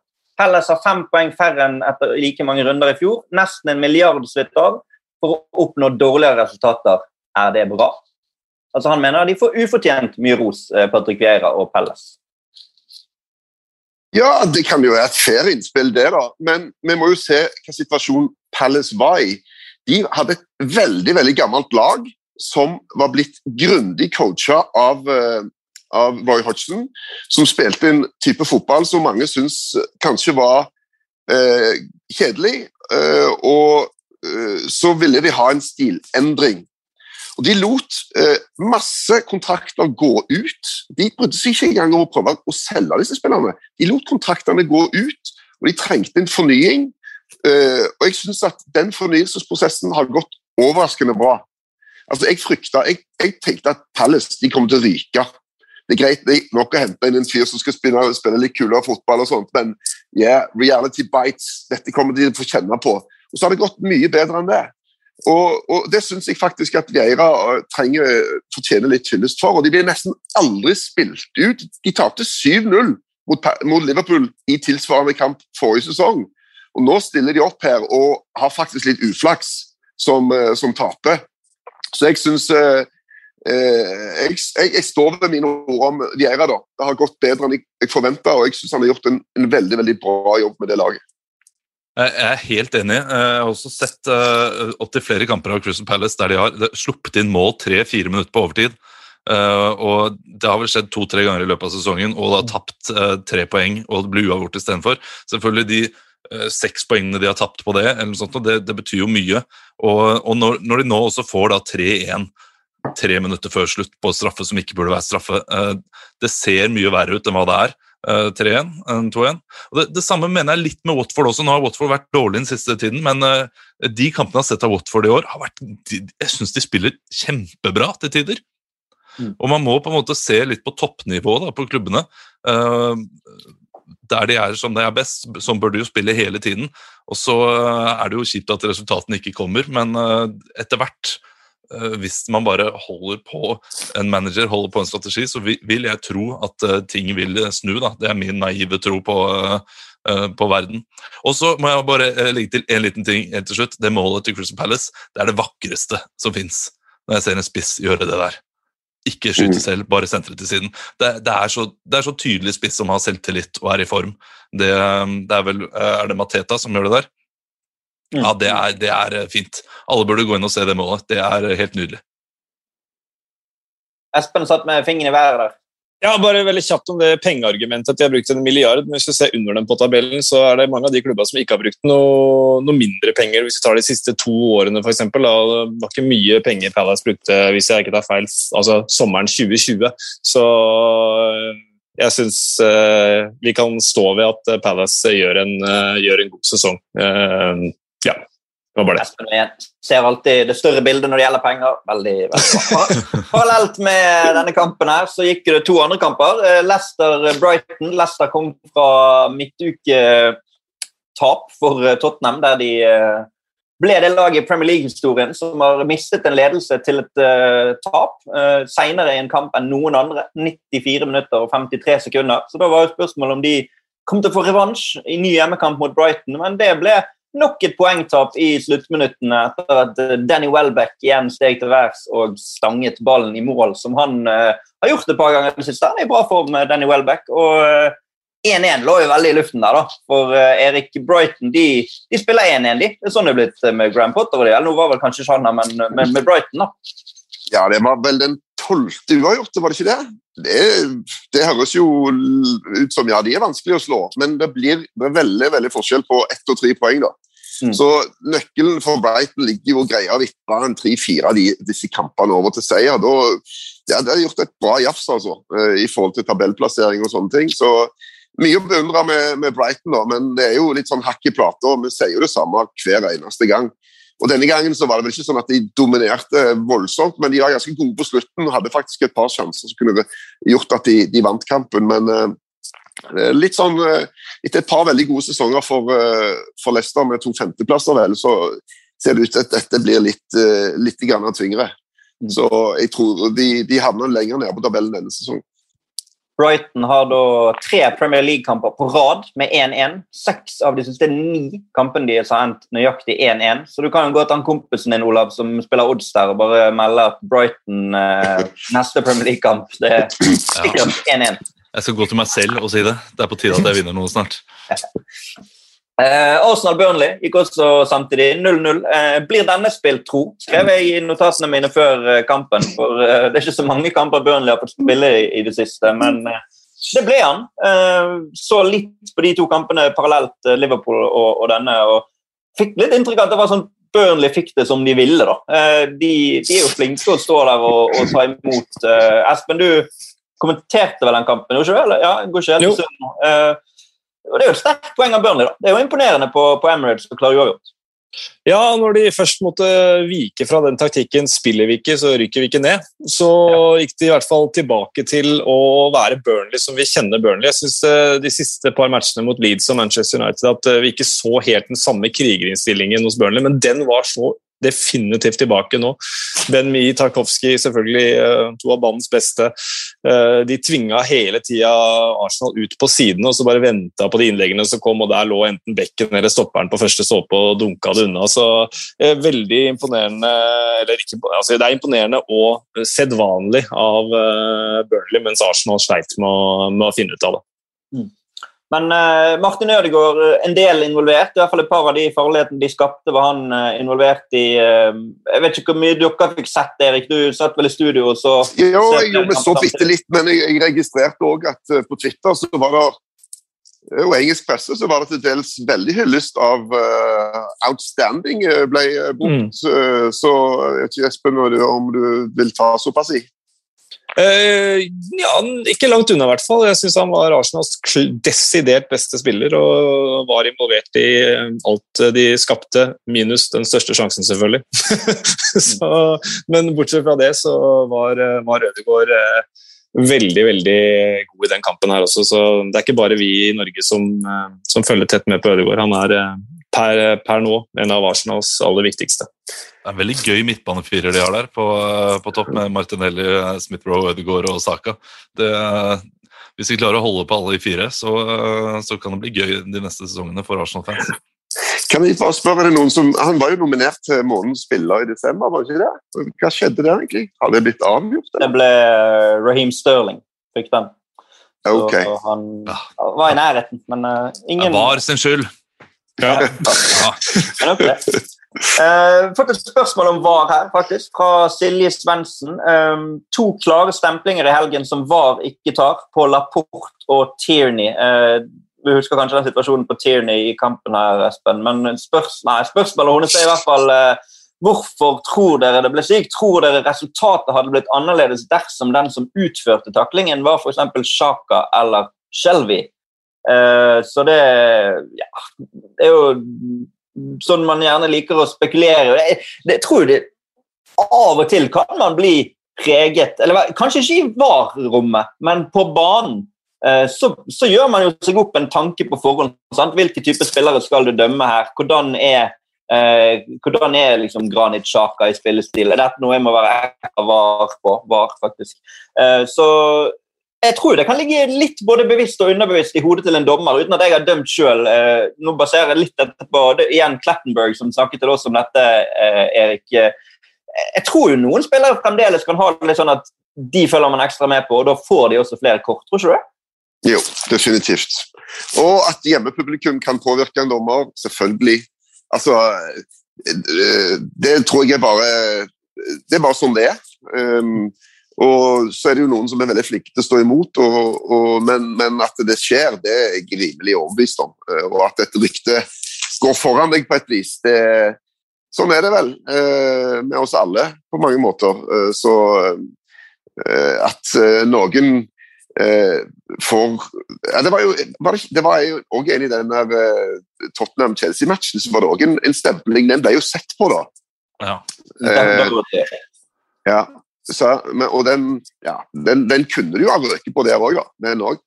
Men eh, eh, ja, Jeg tror Tanganga kanskje ikke er i den badboy-kategorien ennå, da. Men uh, han bør komme der snart, for han er ganske uryddig, vil jeg påstå. Var det ikke, var ikke The Doherty som uh, kjørte den stemplingen? stempingen? Ja, det var det faktisk. Ja, han er ganske badass, han, så jeg ville gitt ja. rødt rett ut hvis jeg hadde vært dommer. Men, men uh, da jeg så på VAR, tenkte jeg helt greit med gult kort. Jeg synes Det er- det er kjipt med røde kort uh, i starten, uh, så hvis det ikke er noen store skader der, så uh, Og det, SAR spilte jo uh, bra resten av kampen. Da tenker jeg uh, kjør på. Gult kort var helt fint. Vi skal straks, eh, straks begynne å snakke om den Chelsea-Tottenham-kampen. Bare et siste innspill her på den Arsenal-kampen. for Det var jo uten Thomas Partey, som ble utvist i, i midtuken i ligacupen. Han fant det nå nødvendig å legge ut en eh, official statement på sin Instagram-konto eh, etter det røde kortet. Eh, og Vi har jo snakket litt om det før, men Espen, tenker du, er det nødvendig at det kom til det steget at når man blir utvist, så må man legge ut unnskyldning? Nei. Nei. Syns jeg er en uting. Eh, han gjorde en dårlig greie. Han, eh, jeg tror han større grunn til å være lei seg fordi Ghana røyket i gruppespill i eh, AFCON enn at eh, han fikk et dustete rødt kort på 0-2 mot Liverpool i en kamp de aldri hadde klart å ta igjen allikevel. Det har vært en dårlig uke for han da, totalt sett. Ja, fryktelig. Fryktelig uke. det er kanskje derfor han var ute og beklaga seg. Men Jeg har hatt en så dårlig uke at jeg må bare, må bare beklage et eller annet. Ja, kanskje det. Vi går til eh, Chelsea-Tottenham. Vi kan begynne med Chelsea-perspektivet. Olav, Chelsea vinner den kampen eh, 2-0, helt fortjent. Klart best i det derbyet, som de har vært nå i de alle kampene mot Tottenham egentlig de siste tre årene. Og et enormt tak på de fjerde gangen de de bare det? Ja. ja, ja. Altså, eh, Min far uh, kalte jo White Hart Lane for Three Point Lane uh, lenge, uh, som Chelsea-supporter. Og, og så har det vært noen år der det var kjipt, men nå er vi tilbake på det gode, gamle vinner, vinnersteget. Selv om jeg var veldig usikker i går, da. Conte er jo kanskje min favorittmanager. og og jeg syns han har eh, levert bra, eller gøy, for, Tottenham. Kanskje mer, mer gøy enn bra. De har vunnet mye også. Så jeg var veldig usikker, og eh, første omgang var jo ikke imponerende overhodet. Og eh, så var det noen veldig, veldig fine minutter der i andre omgang som, som føltes godt. Selv om jeg savner spillemål. Mm. Du- kan jo si at skuddet til CH er et spillemål, men det er allikevel langskudd. Jeg, jeg, savner uh, sånne mål som uh, Oxlade Chamberlain hadde mot, uh, mot Palace, eller mål til Palace også. Det, det blir for mye dødball, for mye langskudd. Og, og veldig lite at de spiller seg gjennom og, og skårer. Jeg synes de har vært De har ikke vært seg selv de siste to-tre månedene. Nei, men det er nære. eh, Ja, vær så god. Nei, må bare må si Siege det samme som Nils Arne Så er i Rosenborg. Det er ikke sånne mål vi skårer i Rosenborg. Nei. Det var feil mål. ja, ja, ja. Men jeg skjønner jo det. Altså, når han skåret mot Brighton nå, han smilte jo ikke. Og jeg, jeg skjønner ham, jeg. Han, han skjøt ballen i mål. Så fint at han gjorde det, men de spilte jo elendig. Så det der er ikke men nå spilte de elendig mot Brighton, tenker du på? Ja, ja, ja. De, spilte jo ikke elendig nå. Å, nei, nei, nei. Absolutt ikke. De spilte, jo de spilte godt, øh, veldig godt mot Tottenham mye, og det, de kunne lett ha kommet et, øh, et sånt mål som jeg da lengter etter. Men det, det handler nok mer om at jeg, jeg savner det som var tidligere i sesongen, og måten de brukte Lukaku på der. Og den måten Lukaku har blitt brukt på den, den siste tiden, er, er litt, litt kjedelig å se. Han, eh, det, er jo, nære at Lukaku Han har jo to eh, situasjoner i første omgang der han bare går tre steg til siden og Eric Dyer forsvinner fullstendig. og han får, Den ene bommer han jo på ballen, og den andre bommer han på, på scoring. Men eh, vi har fått et spørsmål fra Buttonwood på Twitter. Erik kan jo kanskje svare på det. Hvor mye mer fokus ville det vært på Lukaku dersom det var Manchester United som hentet han? Totalpakken, lønn pluss overgangssum må tilsvare PL-historiens dyreste spiller. Nå har jo Manchester United hentet han en eller annen gang før, da. Men eh, tro, tror du at eh, han slipper litt unna, eller er det nok Det har jo vært snakket litt om han i det siste nå. Nei, altså, ja da. Jeg føler ikke at han har sluppet unna, men det har jo vært litt sånn famling, da. Å, så starta det jo bra, og så eh, var det jo skada eller hadde covid og var ute en stund osv. Så, videre, og så, videre. så det har jo liksom vært litt sånn greier hele veien. Men, men eh, han er jo eh, en utfordring, for eh, de, Tuchel har jo ikke funnet ut hvordan han skal gjøre i forhold til å bruke han, og, og Conte fikk jo det maks ut av han forrige sesong, men da var alt gira opp veldig for å, å serve ham. da. Alt, på en måte, alt skulle gjøres for å få Lukaku til å lykkes, og det greide de jo. Både ved han personlig og at laget da fungerte veldig veldig bra. Og, og I eh, Chelsea så spiller de da på en litt annen måte. og, og Foreløpig så ser det ikke ut til å være en bra miks, rett og slett. Og, og dette prøvde jeg med å spinne litt videre på òg, for at eh, det er jo veldig mye snakk om, om, Man City, som da skal kjøpe spissen. Eh, om det er Erling Braut Haaland eller hva som helst. Men de er så sabla gode uten spiss. Mm -hmm. og, og, Chelsea fungerte jo òg bedre uten denne rene spissen. og Kanskje når Harvard spilte der oppe, med posisjonsforflytninger hit og dit. og Da fløyt jo angrepsspillet egentlig bedre enn det har gjort nå. da. Så, så, det er bare en sånn, litt sånn rar tanke om at eh, Det trodde jeg alle vi skulle komme dit, og at du tenker at ja, et lag uten spiss er kanskje bedre. Nå, nå lander vi vel på konklusjonen på diskusjonen vi hadde i Premier League-studio, at, uh, at Erling Braut Haaland vil du ha uansett. da. Men, men, det er en litt sånn interessant tanke det der med at uh, den ene brikken da, som jeg trodde Lukaku skulle være. Den eneste. Når, Chelsea får ham, wow, da blir de bra. Og så har det ikke blitt sånn. Men eh, nå, det starta jo veldig bra.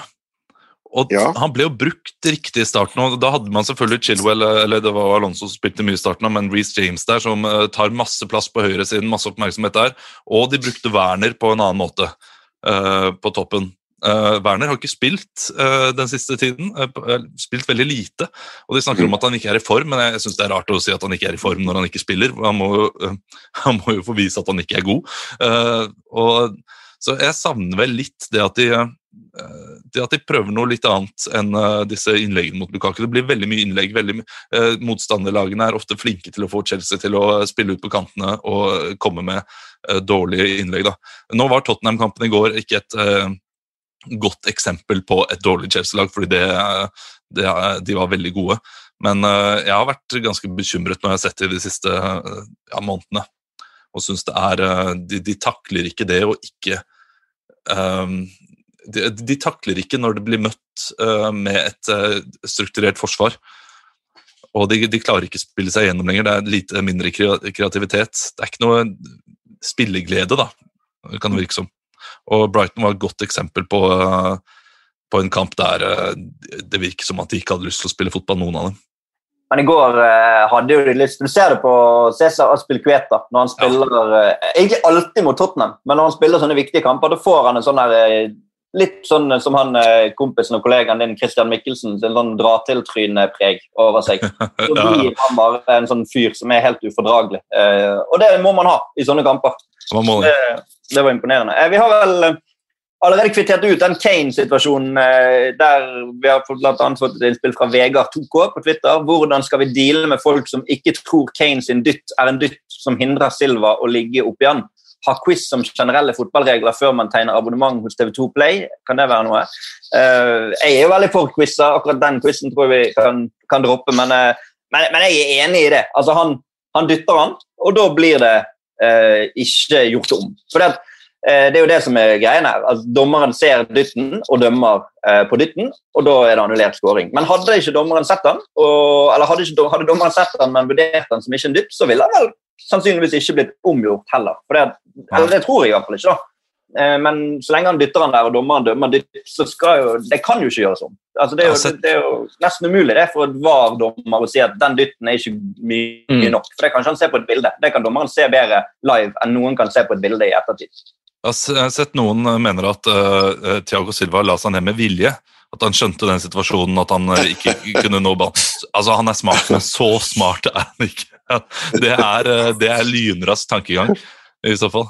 Nei, altså Man kan mene hva man vil om at Thiago Silva detter for lett, og det gjør han jo. Altså, Hadde Kane gitt han en sånn på toppen av prekestolen, så hadde ikke han kastet seg i havet. Det, det sier seg jo selv, men, men, han utnytter jo han utnytter at den dytten kommer, og så lenge dommeren da dømmer på han, så kan ikke den gjøres om. Det, det mener jeg er nesten umulig for en VAR-dommer å sitte og se i ettertid på at, å vurdere at den dytten ikke var Men, men, men det, det, er så rart å utnytte dytten også, fordi han er forsvarsspiller som skal forsvare målet sitt.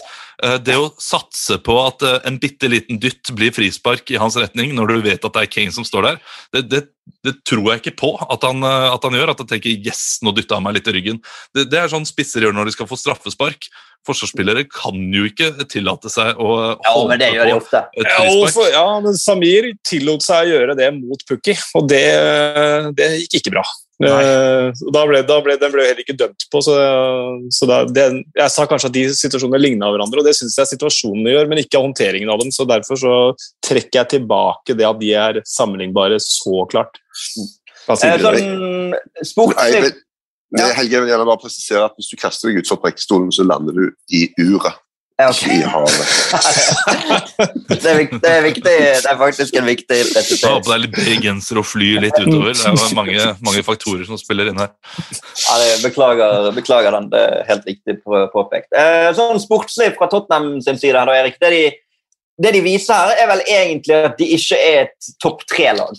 Og det visste man jo, men de er jo fremdeles helt med i den kampen om en topp fire-plass. Men hadde de vunnet denne kampen, hadde de vært eh, sånn, i hermetegn i praksis foran Chelsea pga. kampantallet. Så, men her viser ja. de at det er et steg opp der, og det skulle vel egentlig bare mangle. Ja, altså, jeg tenkte jo at uh, wow, etter det som skjedde mot Leicester, den oppturen det måtte gi uh, rent mentalt, tre poeng på overtid uh, så tenkte jeg at ok, de har tapt to ganger ligacupen, men det som har skjedd, det er jo ikke en garanti for hva som skal skje i framtida. Jeg trodde Tottenham skulle gi dem en kamp, og så kommer lagoppstillingen, så ser jeg på Tottenham-laget så tenker jeg what? Dette greiene her? Altså, Det går jo ikke. Og Du ser det fra begynnelsen av at det er klasseforskjell. Og jeg må nesten si det, det, det ligner på så utrolig mange Chelsea-Tottenham-kamper jeg har sett før. Altså Det var liksom nesten ikke tvil allerede fra starten av at hvem som tok tak i det, og hvem som var eh, Ikke on the front foot, som, eh, men on the back foot. Eh, og det var klasseforskjell og fortjent seier. Hvordan tror du eh, José Mourinho hadde blitt vurdert om han hadde stilt med seks forsvarsspillere, Høibjerg og Winks, eh, på Stamford Bridge og blitt utspilt for tredje gang på to og en halv uke mot Chelsea, og i etterkant sagt at de er rett og slett bare bedre enn oss? Tror du han hadde liksom blitt sagt å ja, det er bra at du identifiserer uh, sannheten og at du, du, sier uh, ting som det? Eller tror du det hadde vært et litt annet uh, perspektiv? Ja, litt, altså Når du kommer med, med ballasten ni kamper i Premier League som Tottenham-manager uten tap, så har du litt ballast da. Og jeg tror jo òg at nå er det jo Deadline Day nærmer seg, og nå handler det jo veldig mye om hva skal skje der. Og som vi vet, Conte er det én ting han vil ha, så er det mer spillere, nye spillere. Deli Alli, Ndombele, Lo Celso, ingen av de var i troppen. Det er et signal om at han mener de er ikke bra nok for oss. De vil han gjerne ha vekk, og han vil ha inn noen andre istedenfor. Så både det eh, Lo Celso la til og med ut noe på egen Instagram-konto om at eh, i motsetning til det alle sier, jeg er frisk, 100 eh, og Så at, at, han nå er sånn han alltid er, på klubbledelsen. Maser, maser, maser, maser. Spillere, spillere, spillere. Og, og, Det blir ekstremt spennende å se om han faktisk får det. Og hva som òg skjer med disse som han da ikke vil ha, om de greier å, å bli kvitt dem. Mm. Vi kan jo ta den uh, med en gang, Jesper. Det er neste mandag er det jo deadline day. Uh, vi kommer ikke til å komme med noen ny Premier League-podkast, åpenbart, for det er ingen Premier League-runde til helgen. Uh, vi skal jo ha sending da, uh, gjennom hele dagen denne gangen, faktisk. Fra klokken 11 om formiddagen og helt til, til midnatt. Bytte litt på hvem som skal være der. Hva forventer du, Espen, av den deadline-dagen som står foran oss nå? Og, ikke bare med Premier League-øyne, men først og fremst det, siden det er det vi, vi snakker om her. Jeg forventer vel som alle andre at uh, det skal handles uh, litt mer opp i uh, Newcastle. og så forventer jeg jo at Andy Carroll blir klar for Burnley. Og at, at Ralf Ragnhild henter en eller annen fra Red Bull-systemet et eller annet sted. Og i tillegg at Conte får inn i hvert fall to spillere med fartstid. Kanskje allerede noen spillere i Serie A. Hva tenker du, Olav, som Chelsea-supporter? Er det noe som du, du, vil at skal skje i løpet av den neste uken? Ja, Nå beklager jeg hvis det er mye barnebråk bak her. Eh, Nei, kom hører ingenting, du, eh, altså. Du, eh, jeg, eh, de må jo hente bekker uh, på en eller annen måte, men de kan jo ikke hente noen veldig gode bekker. fordi uh, hvis de henter noen veldig gode bekker, så får du et luksusproblem, og det, det er et problem i et lag når det ikke er fornøyde spillere. Så uh, altså det aller beste, slik jeg ser det, er at hvis de hadde hentet tilbake noen på lån og de prøver jo nå å få tilbake han uh, Emerson, er det ikke det? Uh, Kennedy òg, vel? Hæ? Kennedy, som, som utrolig nok fortsatt er Chelsea-spiller. Ja, ja, det. Fascinerende. De har jo han der Bakayoko også, er jo der uh, fortsatt. Ja, et eller annet sted. Så, men uh, altså midtbanen, der er det god dekning. Det er jo, uh, Loftus Cheek sitter jo der og er uh, verdens beste spiller hvis de ikke, uh, som de ikke bruker. Jeg syns det er veldig absurd hvordan han har egentlig blomstra i år, og så bare uh, er det ha det bra til ham uh, umiddelbart. Så men jeg vet ikke hva de har av bekker. Det er vel bare venstrebekker de har ute. Det er Kennedy og han Emerson. Så uh, en høyre bekk hadde kanskje vært fint å få inn. Kjøp Ja, altså, Lamptey. Du har jo bare Reece James, som er kanskje topp tre i landet, og Aspilicueta, som er kapteinen din, så jeg skjønner at du blir litt kravstor som Chelsea-supporter. hvis ikke det er godt Nei, men- nok. Ja, du, eh, Aspilicueta spiller såpass mye på, uh, i midten der at uh, når da Reece James er ute, så er det ikke nok å ha en 31-åring som skal uh, liksom dekke hele bekken når det er så tett kampprogram. Så få inn han Dujon Sterling eller et eller annet som han er veldig på utlån til Blackpool. Uh, så, så kan han spille liga, ligacupfinalen. Liga da er det bare én kamp igjen der. Eller en FA-cupkamp, et eller annet. Det, Ja. Ja, det, blir, fornuftig det, blir spennende å se hva som, det blir spennende å se hva som skjer på Deadland Day. Vi hopper til ukens faste spalter.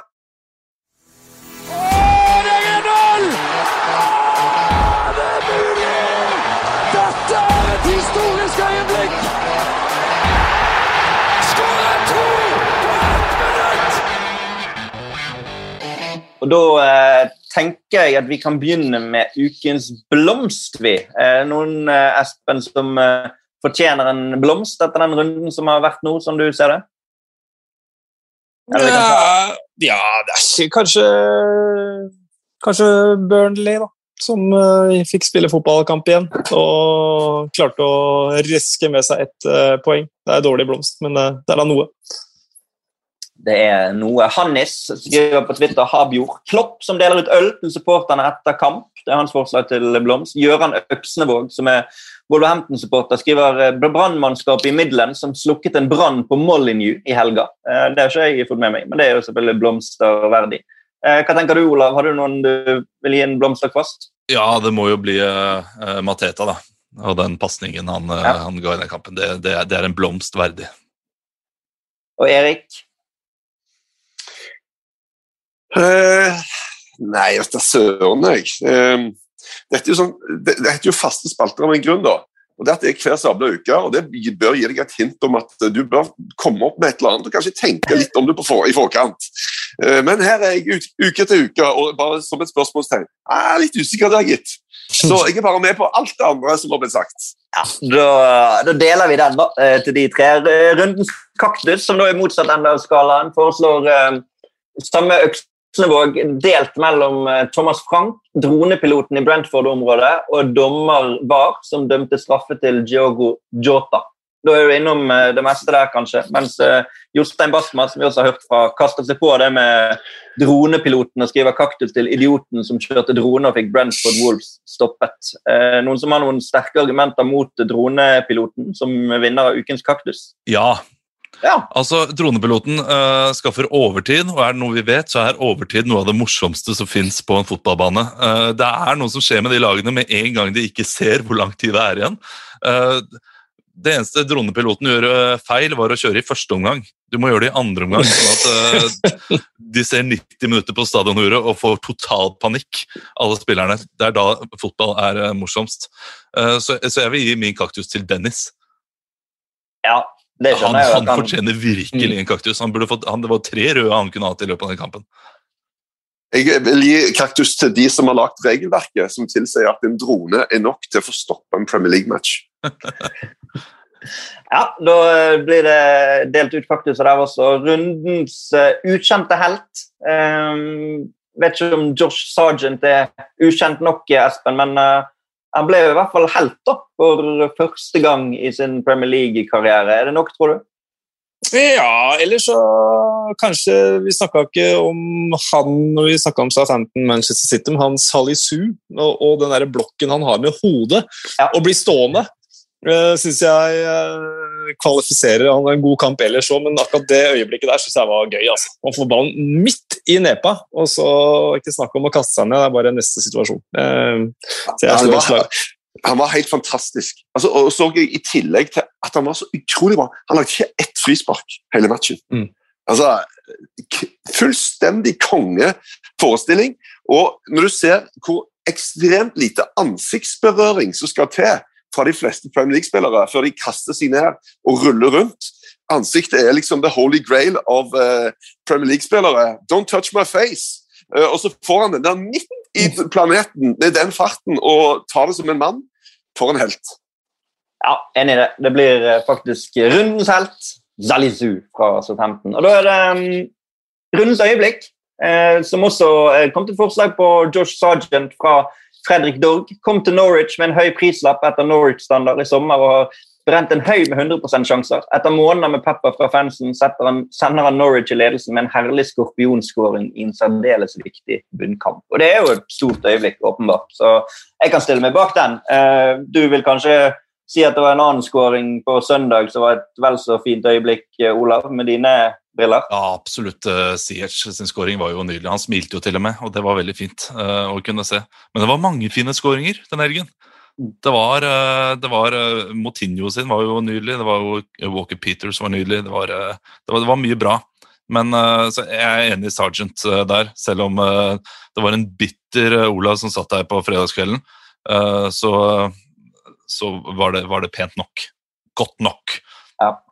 Tre mål altså, Det er helt sykt at et lag som skårer så lite. Nå skårer de tre nå, da, men Norwich. Se på tabellen. Altså, De er over streken og skårer 13 mål totalt hele sesongen. Det er en merkelig greie. Taper de seks kamper? Nei, det går fint. For vi vinner kanskje en eller to av de neste, og kanskje til og med to på rad. Og det går helt fint.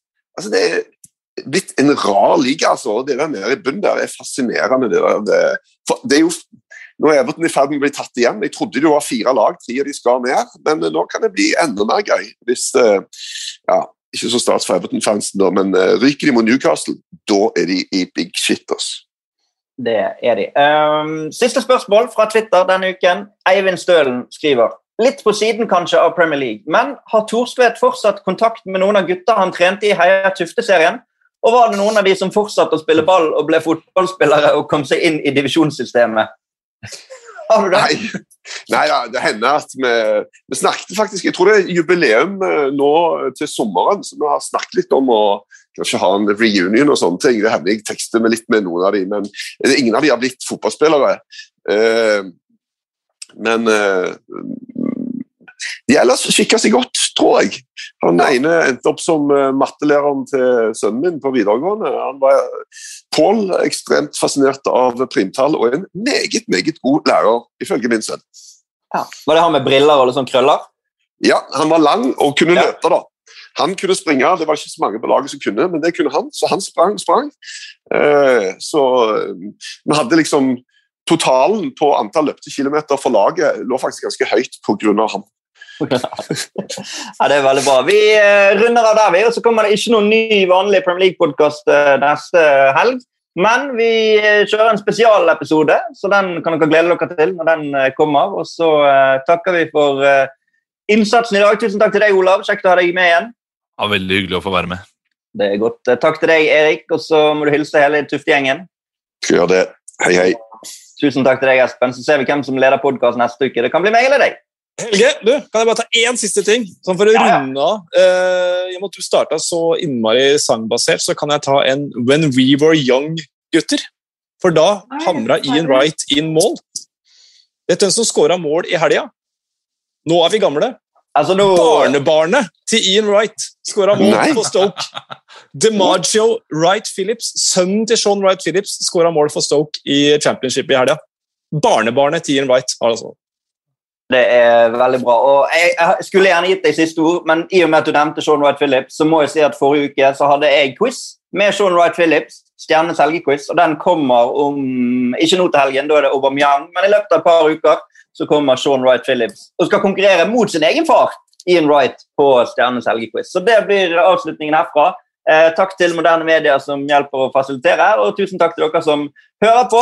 Supert om dere er inne og gir oss skryt eh, der dere gir skryt til podkaster og den slags. Så tusen takk for følget. Liten pause nå, men eh, ha det bra!